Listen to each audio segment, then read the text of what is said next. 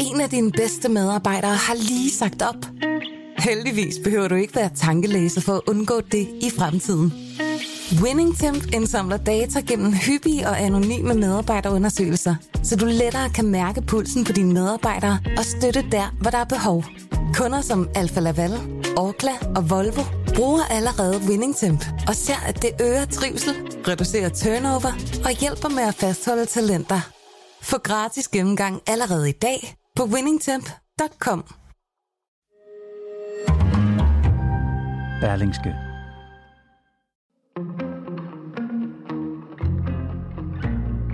Paula, jeg har lovet dig at stoppe interviewet, hvis din telefon ringer.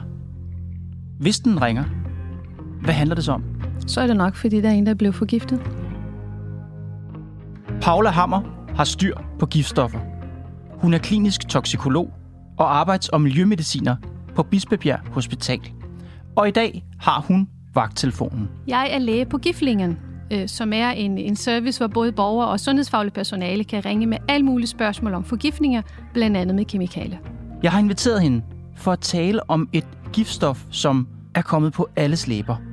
PFAS. Der er ingen af os, der har lyst til, at vi skal have det i vores kroppe, heller ikke vores børn, men det har vi alle sammen. Sammen med havskummet skyller der i øjeblikket bekymringer op langs vestkysten. Alle steder kommer der jo PFAS-historier frem. Medierne har været spækket med historier om de svært nedbrydelige kemikalier. Først var det i køer i Korsør. Hvis vi spiser en bøf fra en, af, en ko, som har gået på et af de her områder, så risikerer vi altså at spise gift. Så var der vandboringer på Fanø, så havskum på Vesterhavet, og så økologiske æg. Der er fundet skadelige PFAS-stoffer i økologiske æg. Men medierne tegner et skræmmebillede, lød det fra en række eksperter til Weekendavisen for nylig. En af dem er Paula Hammer.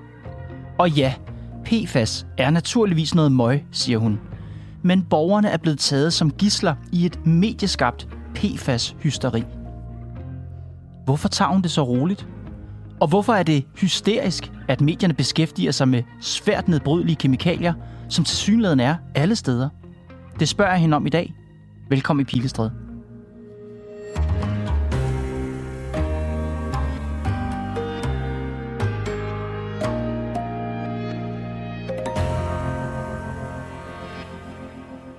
Forleden der stod jeg ude ved kaffeautomaten sammen med to kolleger, der lige havde været nede og ryge. Da jeg kommer, der står de og taler meget bekymret om PFAS.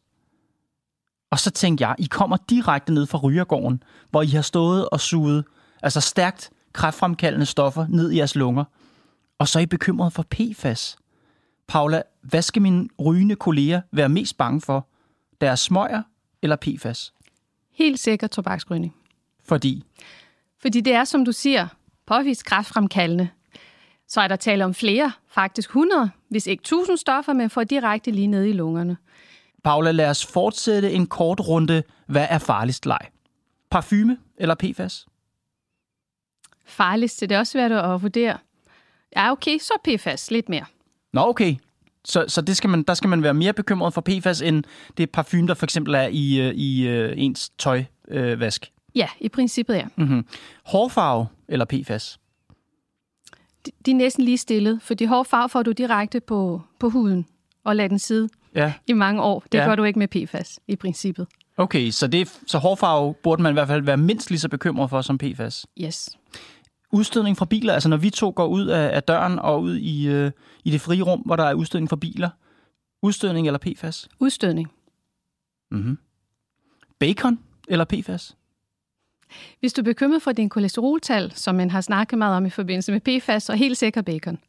Og der er også noget nitrit i bacon, ikke? Ja, noget konserveringsmiddel, ja, Som heller ikke er det så godt. som kan være kræftfremkaldende, det er rigtigt. Mm. Mm-hmm. Alkohol eller PFAS? Alkohol, helt sikkert. Mm. Så det er allerede her er jeg jo dejligt mindre bekymret, fordi jeg tænker, alle de andre ting er jo noget, som er meget tættere på mig, forestiller jeg mig i min hverdag. Eller hvad? Det er rigtigt.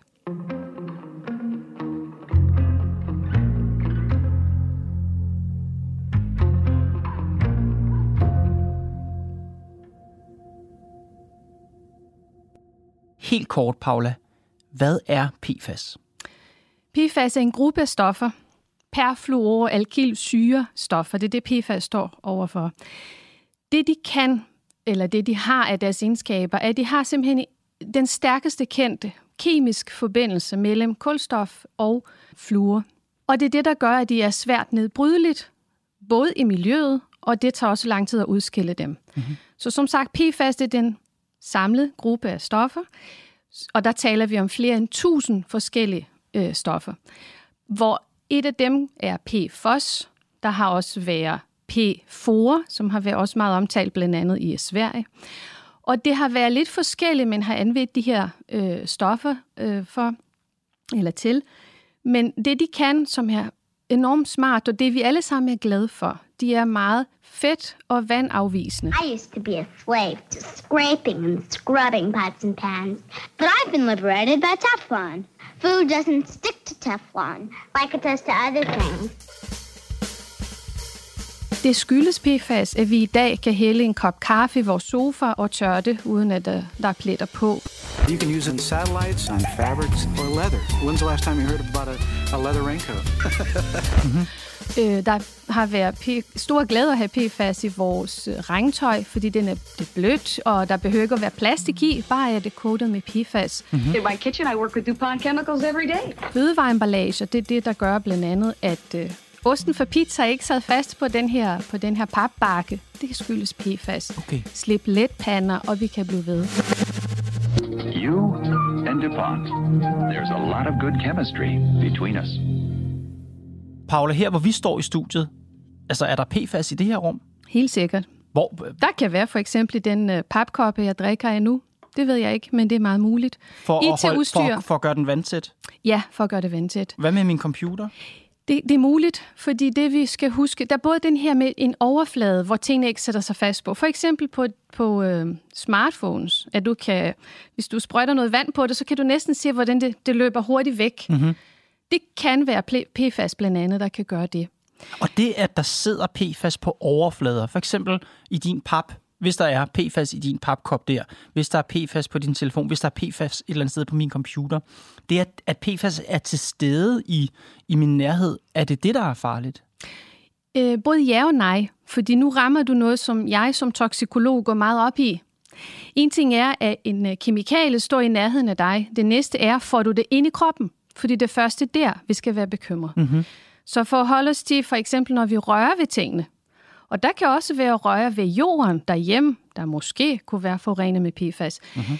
Hvis der overhovedet er noget optag via huden, så er det meget begrænset. Mm-hmm. Så langt hen ad vejen, hvis vi vasker hænder grundigt, som vi alle har lært fra covid, så får vi PFAS væk. Så chancen for, at vi får ind i kroppen, er mindre. Der til gengæld kan være et problem, når vi taler om fødevarer eller drikkevand. Ja. Fordi her har du jo, kan man sige, en direkte adgang til din krop. Og det er det, vi ved fra almen befolkning verden over. Den primære øh, kilde til udsættelse, det er via kost. Mm. Om det er forurenet fødevare, fødevare eller drikkevand. Mm-hmm. Men det er alligevel ikke de aller, aller største nødvendigvis, fordi nogle af de største, øh, kan man sige, de højeste niveauer, hvor mennesker har været udsat for, det har været ved at arbejde ved, med fremstilling af de her stoffer. Altså fabrikker, der har lavet PFAS-stoffer. Ja. Der ser vi også en, en meget stor udsættelse. Og, og de her stoffer, som har været i brug i vores samfund, ikke kun i Danmark, øh, men verden over, siden 40'erne, 50'erne, er jo åbenbart alle steder. Det er det indtryk, man får. Men hvor farligt er det, at de er alle steder, Paula? Jeg vil sige, jeg kan, jeg kan have det lidt svært ved at sige om farlighed, fordi det kan være rigtig mange ting. Men det er enormt problematisk, fordi igen, hvis vi sammenligner med andre stoffer, bliver PFAS i miljøet i rigtig, rigtig lang tid. Det er derfor, der er nogen, der fandt på at kalde det evighedskemikalier, det er noget misvisende. Vi ved ikke, om de bliver der for evigt. De har trods alt ikke fandtes jo for evigt. Mm. Men det er det her kemiske forbindelser, der er rigtig svært nedbrydeligt, så de ikke, kan man sige, organisk nedbrydelige, som vi kender fra andre øh, kemikalier, som kan være. De er specielt farlige, fordi de er næsten unedbrydelige. Og det betyder, når vi får dem ind i kroppen, så ophober vi dem. Hvis, og det er det, som hvis jeg forstår det rigtigt, man ikke har endeligt bevist, men hvis de er skadelige for mennesker, Hvorfor er de så skadelige for mennesker? Vi starter ved at sige, nu snakker jeg om evighedskemikalier, altså i miljøet. Det betyder ikke, at det er for evigt i menneskekrop. Vi mm. kan godt udskille det, og det er også en af de store misforståelser, synes jeg, der har været generelt, at når folk har hørt ord evighedskemikalier, og så er det i min krop for evigt. Det er ikke rigtigt. Vi udskiller det, det går bare meget langsomt i forhold til mange andre kemikalier. Så på den måde, bare fordi den er i vores krop meget længere tid, Mm-hmm. så som at sige, at der er længere tid for, at den kan have en negativ effekt i vores krop. Og hvad er det for en negativ effekt, den kan have i kroppen? Det er vigtigt at sige, at man forsker stadigvæk generelt om helbredseffekter af de her stoffer. Mm. Fordi de her stoffer er ikke akut giftige. Altså, det er ikke ligesom tunge metaller, eller vi snakker lige om nikotinvæske. Hvis du drikker nok af det, kan du faktisk dø akut. Det er ikke tilfældet med PFAS. Så hvis jeg drikker en liter PFAS, så har jeg det fint? Du kommer i hvert fald ikke til at dø akut. Okay. Det Lad mig sige det på den måde. Øhm, og det er netop for at sætte den der farlighedsbegreb, fordi ja. det er det, folk tror, at lige pludselig at PFAS kan slå en ihjel. Okay, men altså, når jeg går ind og kigger på Miljøstyrelsens hjemmeside for eksempel, så kan jeg godt nok blive bekymret. Derinde står der, kemikalierne er under mistanke for at kunne forårsage leverskader, nyreskader, kræftfremkaldende effekter, påvirkning af fosterudviklingen, fosterbeskadigende effekter, hormonforstyrrende effekter, påvirkning af immunsystemet og øget kolesterolniveau. Det lyder, undskyld mig, ekstremt farligt det her. Det vil jeg give dig fuldstændig ret i, at det er det indtryk, man får. Men det er her, hvor man kan komme galt i byen, hvis man ikke dykker ned og nuancerer, hvad taler vi om her. Som jeg sagde til dig, de her stoffer har, været, har eksisteret siden 40'erne og 50'erne. Hvorfor er det stadigvæk ikke afklaret, som der står i den rapport, du lige har læst op fra, der mistænkes? Fordi de effekter, PFAS kan medføre, det tager altså lang tid. Det kan være i løbet af et helt livsforløb. Men Paula, det forstår du, fordi du er forsker. Det forstår jeg ikke som lægmand, når jeg går ind, når jeg går ind og læser på Miljøstyrelsens hjemmeside mm. omkring de her ting. Skaber myndighederne på den måde unødig panik i befolkningen? Det er svært at sige, fordi vi lever jo i en, en oplysningssamfund, hvor folk er berettiget til at få oplysninger, Ja. lige så snart de kommer frem. Ja. Problemet er, at man bliver nødt til at fortælle hele sandheden, men det er ikke altid, at den her sandhed bliver nuanceret. Det er det, vi to forsøger her i dag ved at snakke om giftighed Ja. i forhold til andre kemikalier. Jeg tænker, at det springende punkt, det afgørende punkt i den sætning, jeg lige læste op for dig fra Miljøstyrelsens hjemmeside, det er ordet kan. Mm-hmm. Det kan være farligt. Mås- det er- Man kunne have sagt, det kan måske være farligt. Men når det er så voldsomme effekter, som dem vi beskriver, selv hvis der bare er snærten af en risiko for det, eller snærten af en fare her, er det så ikke noget, vi skal tage meget, meget alvorligt? Jeg er fuldstændig enig med dig i. Og her vil jeg gerne slå et tyk streg under, at jeg mener helt bestemt, at miljømæssigt er det en katastrofe. Vi har ikke haft styr på de her stoffer. De er nu alle vegne. De Mhm. bliver der i mange, mange årtier, og det er sig selv enormt problematisk. Mm. Og jeg mener helt bestemt, at det kan kun gå for langsomt med at forbyde de her stoffer og fjerne dem fra miljøet. Godt. Hvad er det så, du mener, når du til Weekendavisen siger, at mediedækningen er ude af proportioner? Nu er jeg læge, øhm, og jeg har siddet over for nogle borgere, der, vir- der virkelig følt, at de havde fået en dødsdom, fordi de havde hørt, at de havde PFAS i kroppen. Altså, jeg har talt blandt andet med nogle borgere fra Korsør, hvor øh, borgere havde indtaget forurenet kød, altså kød, der var forurenet med PFAS, og mange af dem følte virkelig, at de havde fået en dødsdom. Hvis vi spiser en bøf fra en, af, en ko, som har gået på et af de her områder, så risikerer vi altså at spise gift. De var virkelig i panik. Mange tænkte, det er ikke et spørgsmål om, om, om hvis, men det er bare et spørgsmål om når. Jeg dør af det her. Hvem skal passe mine børn om ganske få år, når min mand og jeg er død af det her?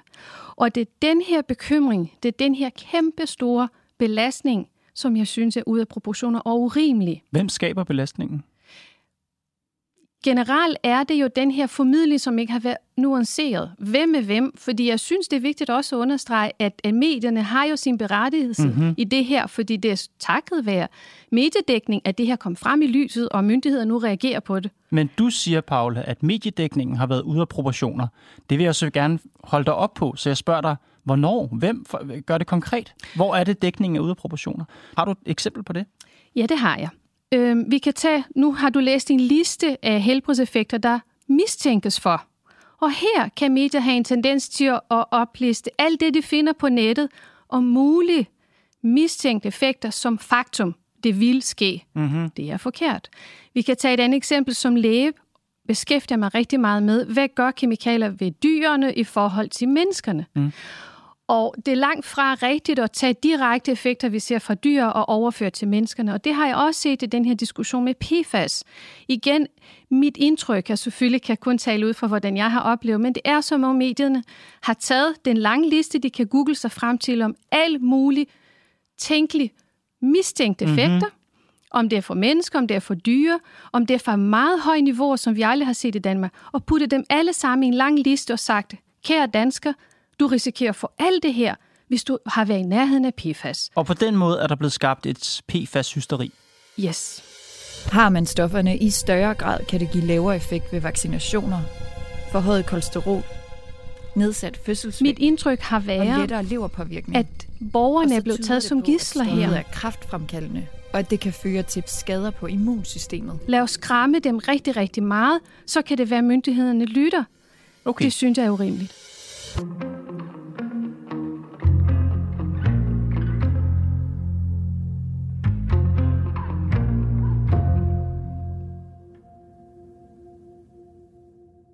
Paula, i 2021 samlede Sundhedsstyrelsen en gruppe eksperter, der skulle rådgive styrelsen om PFAS og den nyeste viden om helbredseffekter af stoffet. Du var en af de 14 eksperter, der var med i gruppen. Og noget senere i februar 22 kom styrelsen som en rapport på baggrund af jeres rådgivning. Men tre af eksperterne fra gruppen gik til TV2 og kritiserede styrelsen for at nedtone problemerne med PFAS. Gjorde styrelsen det? Det mener jeg bestemt ikke. Mm. Og her synes jeg, at Sundhedsstyrelsen har gjort det meget tydeligt fra starten af, hvad er deres rolle her. Okay. Sundhedsstyrelsen her vil ikke på forhånd sætte sig for at sige, lad os nu lave et, et arbejde, som kan tage rigtig, rigtig lang tid med at kigge på al litteratur, der findes i verden om PFAS, og så kan vi lave vores egen mening om. Sundhedsstyrelsen valgte en anden strategi, som de meget fint forklarer i deres rapport, som hedder, kan vi tage udgangspunkt i nogle reviews, i nogle tidligere forskningsgrupper verden over, som har sat sig ned og samle viden, og det er det, vi kalder samle evidens for helbredseffekter. Generelt i forskningsverdenen ved vi, at når du skal tale om evidens, så er du nødt til at forholde dig til samlede reviews. At Men, men de tre kritikere, der kom ud, de kender godt forskningsverdenen. De ved godt, hvordan tingene fungerer. Det er jeg ret sikker på, de tre professorer der. De går ud og siger, prøv at høre, der er simpelthen ting, I burde have taget med, som I ikke har taget med. Du, du, du mener, styrelsen gjorde det rigtige. Styrelsen gik efterfølgende, efter kritikken kom på, og det er jo sådan noget, der skaber overskrifter, det her, Paula. Det kan du vel også godt forstå. Her står der tre øh, højt ædre professorer siger, at Sundhedsstyrelsen toner tingene ned. Så gik Sundhedsstyrelsen ud bagefter og sagde, at kendte, måske giver den her rapport et, et lidt konservativt billede, som de sagde. Og her synes jeg, at Sundhedsstyrelsen var bare meget ærlig og reagerer som man skal, når nogle eksperter kommer frem og siger, der er noget her, vi, vi måske har overset. Hvad gjorde så Sundhedsstyrelsen? Mhm. Mm-hmm. Inviterer til endnu et møde, har lavet faktisk endnu en revision af, af, det her, af det her dokument, som snart bliver offentliggjort. Så igen, jeg synes, at Sundhedsstyrelsen har handlet på den bedste mulige måde til gavn for befolkningen. Og der er ingen grund til panik. Det mener jeg bestemt ikke.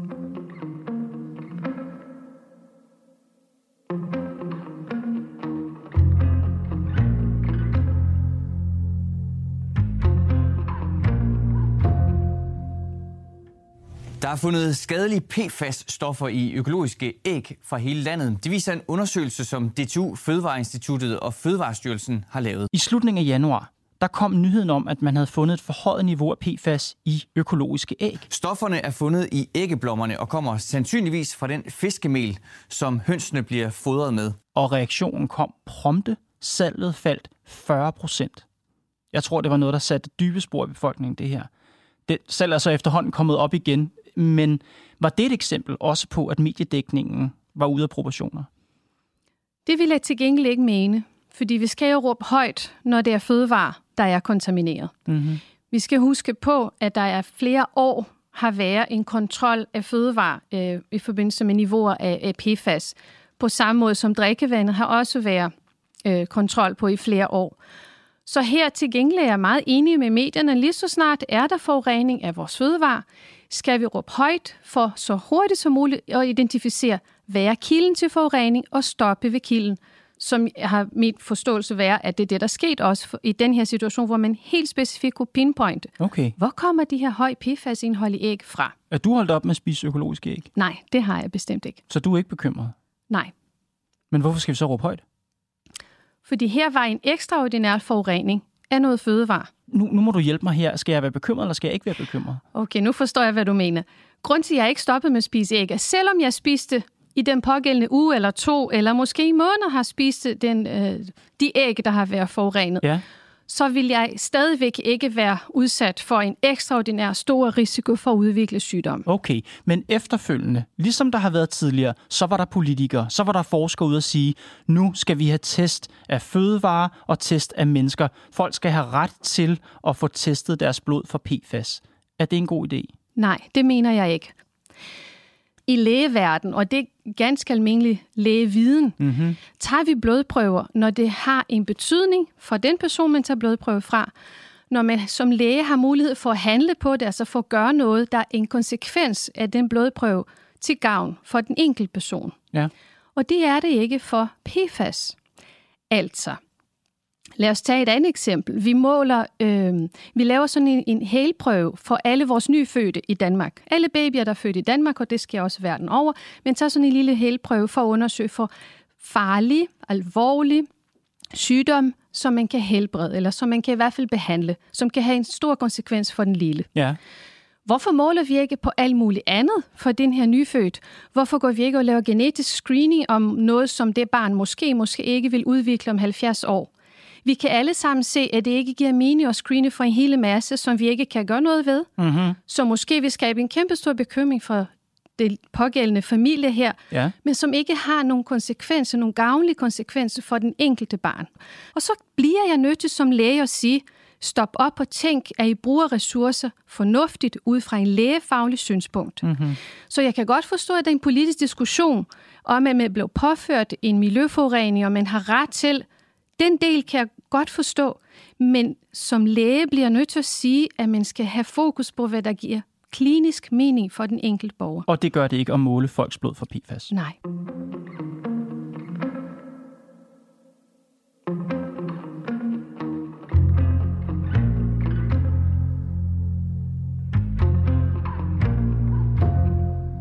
De her nyheder om PFAS, de bliver ved med at rulle ind. Efter at du blev interviewet til Weekendavisen, så bragte politikken så en ny kortlægning, der viser, at grundvandet under 1161 af Danmarks forurenede grunde indeholder PFAS i koncentrationer over grænseværdien. Den værste forurening er næsten 100.000 gange grænseværdien. Er der stadig ingen grund til panik? Nej, det er det bestemt ikke, det mener jeg.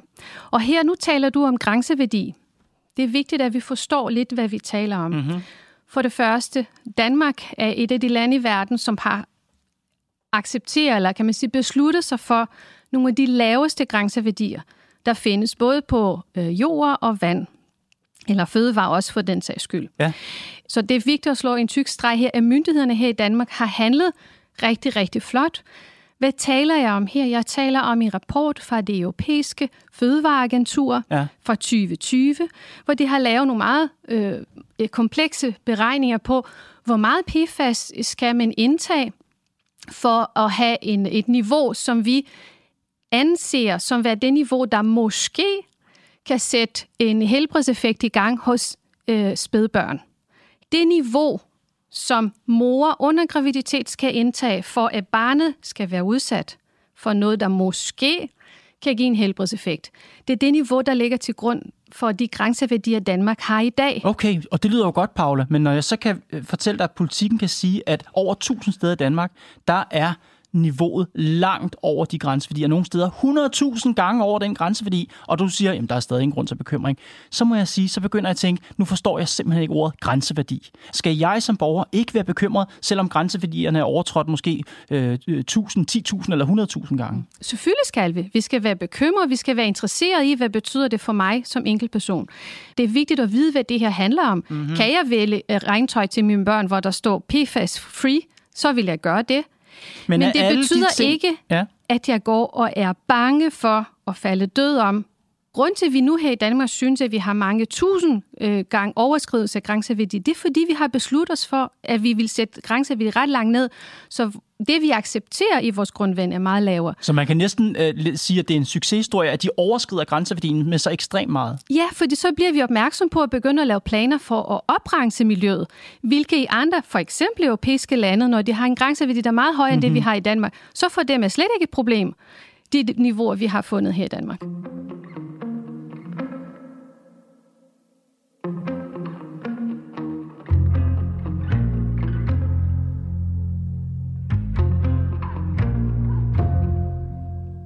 Du er helt med på et totalt forbud af PFAS-stoffer. Det er jeg.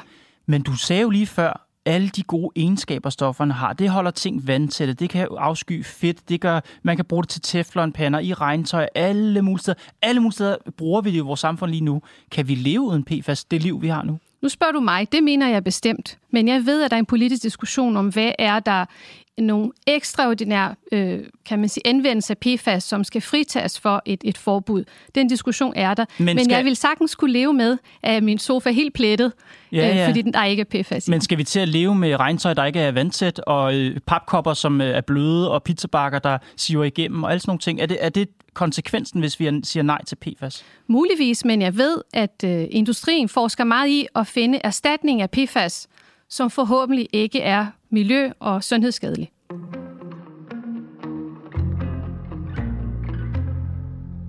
Vi er ved at være færdige, Paula. Vagttelefonen, den ringede aldrig. Men forestil dig, at den ringer nu. Og i den anden ende sidder der en kvinde, der bor i Tikøb i Nordsjælland. Hun har lige set politikens artikel om gigantiske overskridelser af PFAS-grænseværdier i grundvandet, der hvor hun bor. Og det kan hun se, fordi hun klikker ind på det kort, der følger med til artiklen, og hun er skide bange. Og hun ringer til dig og siger, Paula, jeg er skide bange for det her. Hvad svarer du hende? Det kan være, at jeg skal bruge et kvarters tid på at forklare hende helbredseffekter af PFAS, og hvordan hun skal nuancere, og hvad kan det betyde for hende og hendes familie, så hun forhåbentlig ikke går og panikker efterfølgende. Men hun skal ikke være bange? Nej. Paula Hammer, tak fordi du kom i Pilestræd. Velbekomme. Danmark har sammen med fire andre lande foreslået et EU-forbud mod alle giftige fluorstoffer. Det kan dog tidligst træde i kraft om fire år. Regeringen har bebudet en handlingsplan mod PFAS. Ifølge Miljøminister Magnus Heunicke arbejder ministeriet intensivt på at færdiggøre den. Det var Pilestræde for i dag.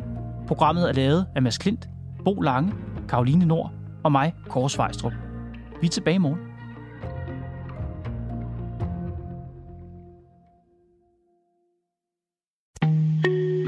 Af dine bedste medarbejdere har lige sagt op. Heldigvis behøver du ikke være tankelæser for at undgå det i fremtiden. WinningTemp indsamler data gennem hyppige og anonyme medarbejderundersøgelser, så du lettere kan mærke pulsen på dine medarbejdere og støtte der, hvor der er behov. Kunder som Alfa Laval, Orkla og Volvo bruger allerede WinningTemp og ser, at det øger trivsel, reducerer turnover og hjælper med at fastholde talenter. Få gratis gennemgang allerede i dag på winningtemp.com.